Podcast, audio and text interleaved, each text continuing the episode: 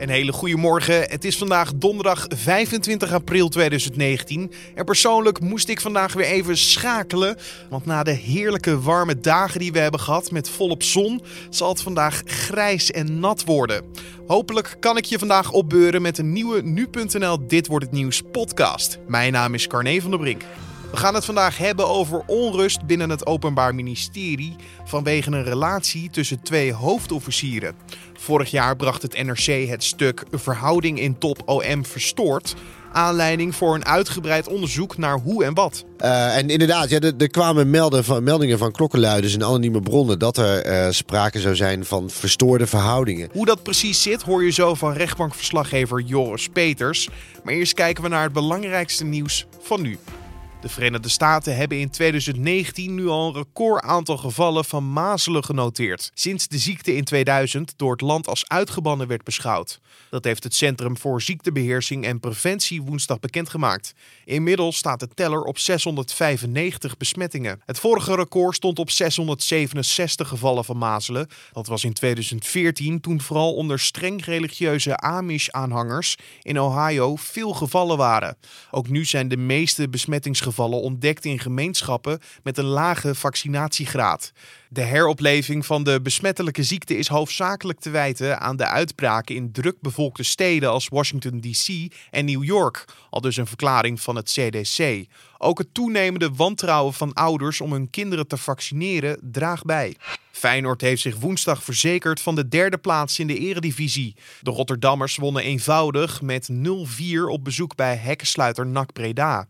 Halverwege stond Feyenoord al op een 0-2 voorsprong door doelpunten van Sint-Just en Dylan Vente, waarna het naar rust 0-4 werd dankzij twee treffers van Jens Toornstra. Door het veiligstellen van de derde plaats mag Feyenoord na de zomer deelnemen aan de voorrondes van de Europa League. Het zwakke nak dat werd weggehoond door het eigen publiek moet vrezen dat de club vandaag al kan degraderen naar de keukenkampioen-divisie. Nummer 17 Excelsior kan daarvoor zorgen als de ploeg wint bij ADO Den Haag. En verder speelde FC Utrecht een succesvolle partij tegen Fortuna Sittard. De ploeg van Dick Advocaat won met 2-1 van Fortuna. En ook vanavond spelen vier clubs tegen elkaar. ADO Den Haag tegen Excelsior is om half zeven. En om kwart voor negen Willem II tegen PSV. Facebook verwacht dat de Amerikaanse Federal Trade Commission het bedrijf een boete van 5 miljard dollar oplegt. Dat is omgerekend 4,5 miljard euro. Dat bleek woensdag uit de presentatie van de kwartaalcijfers. Op dit moment loopt er nog een onderzoek naar de betrokkenheid van Facebook bij het Cambridge Analytica-schandaal. Facebook zou data van gebruikers onrechtmatig hebben gedeeld met dit bedrijf. Facebook houdt inmiddels rekening met een hoge boete en heeft daarom al geld opzij gezet om de boete te kunnen betalen. In een mijntunnel in een zuidelijke regio in Peru, waar veel mijnwerkers hoog in het Andesgebergte graven naar gouderts, zijn maandag zeven mensen doodgeschoten. Dat meldde het Peruaanse Openbaar Ministerie woensdag. Alle zeven slachtoffers werden gevonden met schotwonden in hun hoofd in een tunnel in La Rinconada. Dat is een uitgestrekte goudmijnregio die bekend staat om zijn wetteloosheid en vaak slechte arbeidsomstandigheden.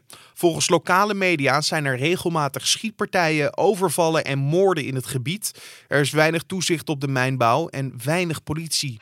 Kinderombudsman Margriete Kalverboer wil dat kinderen voor een klein vergrijp niet meer een nacht in de cel worden gezet.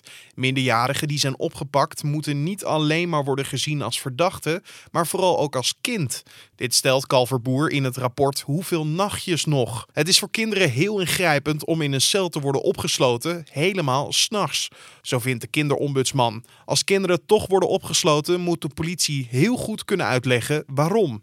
Een reden dat kinderen in afwachting van verhoor worden vastgezet, is dat ze dan recht hebben op een piketadvocaat. Want als ze naar huis worden gebracht, vervalt dat recht. Daar moet volgens Kalverboer verandering in komen. En de kinderombudsman wil dat de nationale politie gaat onderzoeken of kinderen het verhoor thuis af kunnen wachten. En ze vindt dat er richtlijnen moet komen over wanneer een kind kan worden vastgezet. En dan gaan we kijken naar de dag van vandaag, oftewel dit wordt het nieuws. Vandaag presenteert de commissie Fokkens haar bevindingen over de spanningen in de top van het Openbaar Ministerie.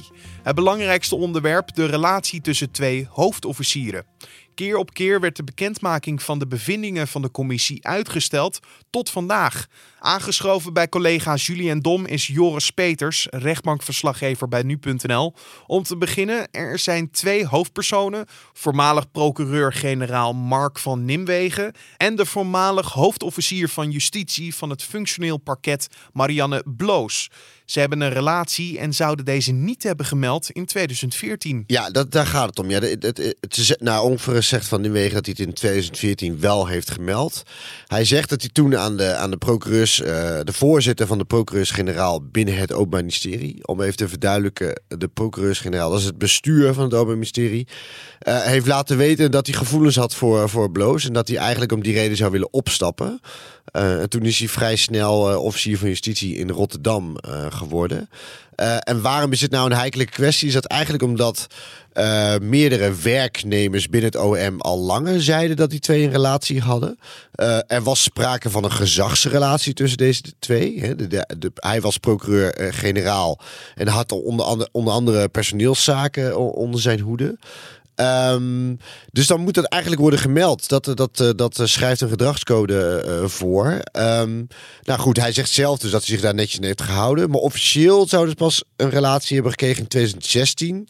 En toen heeft hij ook officieel gemeld dat er sprake was van een relatie. Um, en binnen het OM. Het NRC kreeg in 2014 dus anonieme handgeschreven brieven. Het is echt, echt journalistiek, uh, kan je vertellen. Het is een spannend verhaal. Ja. Kregen ze op de redactie binnen over dat dit allemaal spelen, ja, zou spelen. En daar stond ook een tekstje in: ja. volg de chauffeurs. Ja, precies. Ja. ja. Er zou sprake zijn dat beide, beide uh, dat zowel Nimwegen van Nimwegen als, uh, als Bloos hun chauffeurs naar een Van de Velk hotel lieten rijden. En dat ze daar dan geheime afspraakjes hadden en zo. Zo ver gaat het. Uh, en inderdaad, ja, er, er kwamen van, meldingen van klokkenluiders en anonieme bronnen dat er uh, sprake zou zijn van verstoorde verhoudingen. Uh, je kan je voorstellen, kijk, dat blijkbaar, hè, zoals het verhaal is, is dat binnen het Openbaar Ministerie gewoon heel erg het gevoel was: die twee hebben een relatie en die twee bevoordelen elkaar. En dat wordt onder de pet gehouden door het OM, want die weten er volgens mij ook van. Nou, en nu komt het allemaal naar buiten. Er werd in één keer gezegd: oké, officieel, we hebben inderdaad een relatie. En toen was het gevoel een beetje binnen het OM: zie nou wel, wij hebben dit al jarenlang gezegd. En uh, dit kan niet. Dit is onder de pet gehouden en, en, en die, die relatie was al veel langer. Uh, ja. En er zijn misschien dingen gebeurd die helemaal niet mochten. Ja, nu heeft het imago van het OM in ieder geval een flinke klap gekregen. Ik quote ook even uit, uh, uit het NRC.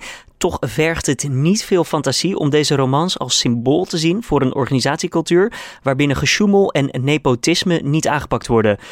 Daar kan de OM niet heel blij mee zijn, kan ik me voorstellen. Nee, zeker niet. Nee, deze, dus eigenlijk, hè, want die, die commissie is ook ingesteld na de publicaties in het NRC.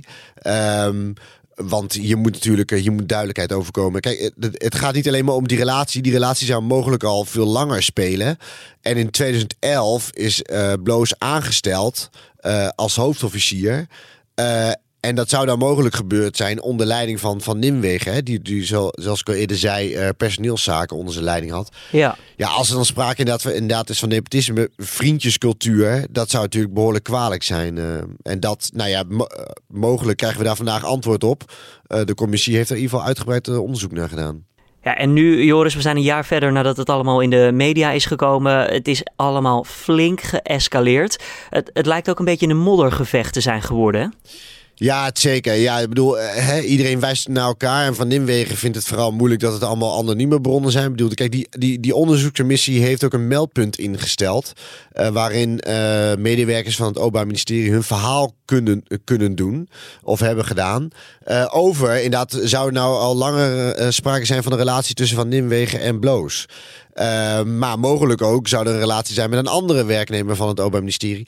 En, dat, en Van Nimwegen ziet het als een soort roddel en achterklap... wat opgenomen wordt in een, in een rapport van de onderzoekscommissie... en vandaag open, uh, openbaar wordt gemaakt. Dus die is daar helemaal niet blij mee en die, die, die, uh, ja, die wil het eigenlijk ook tegenhouden. Hij is zelfs naar de autoriteit persoonsgegevens gestapt, volgens mij. Ja, omdat precies, hij dacht van, ja, dit kan gewoon dit niet. Soort privé, ja, dit soort privé dingen horen er volgens hem niet in een rapport. Dat heeft ook helemaal niks te maken met het onderzoek, uh, uh, Aldus, Aldus van Nimwegen. Um, dus ik ben wel benieuwd hoor, hoe, in hoeverre dat is opgenomen in het, in het rapport en dan in, en met welke woorden. Maar goed, ja, kijk, als het invloed heeft gehad op zijn beslissingen.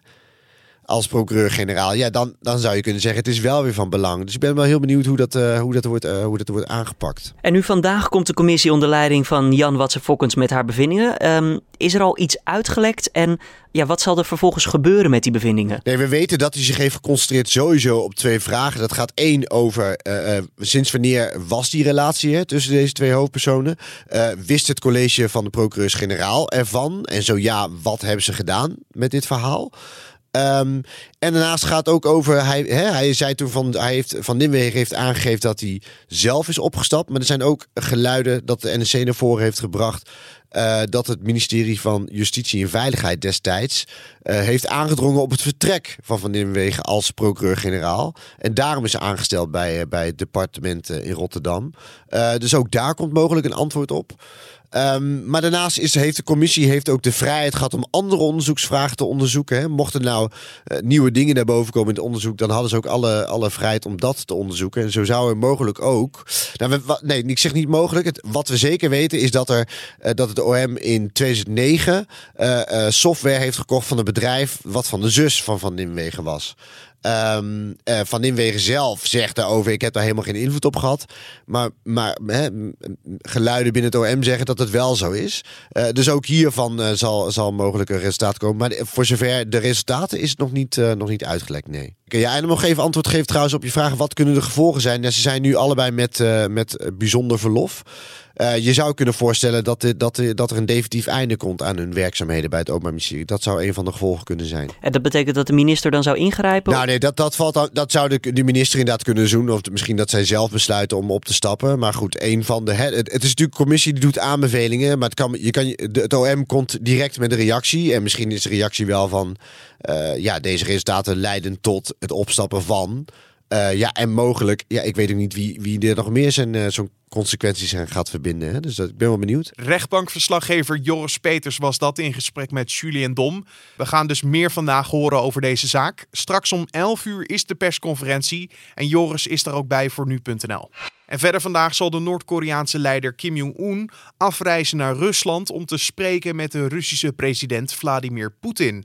Het is voor Kim een van de weinige buitenlandse bezoeken die hij aflegt en tevens het eerste bezoek aan Rusland sinds hij staatshoofd is. En het hoger beroep in Antwerpen, dat draait om drugsmokkel, waar ook Frank Masmeijer bij betrokken was, gaat vandaag verder.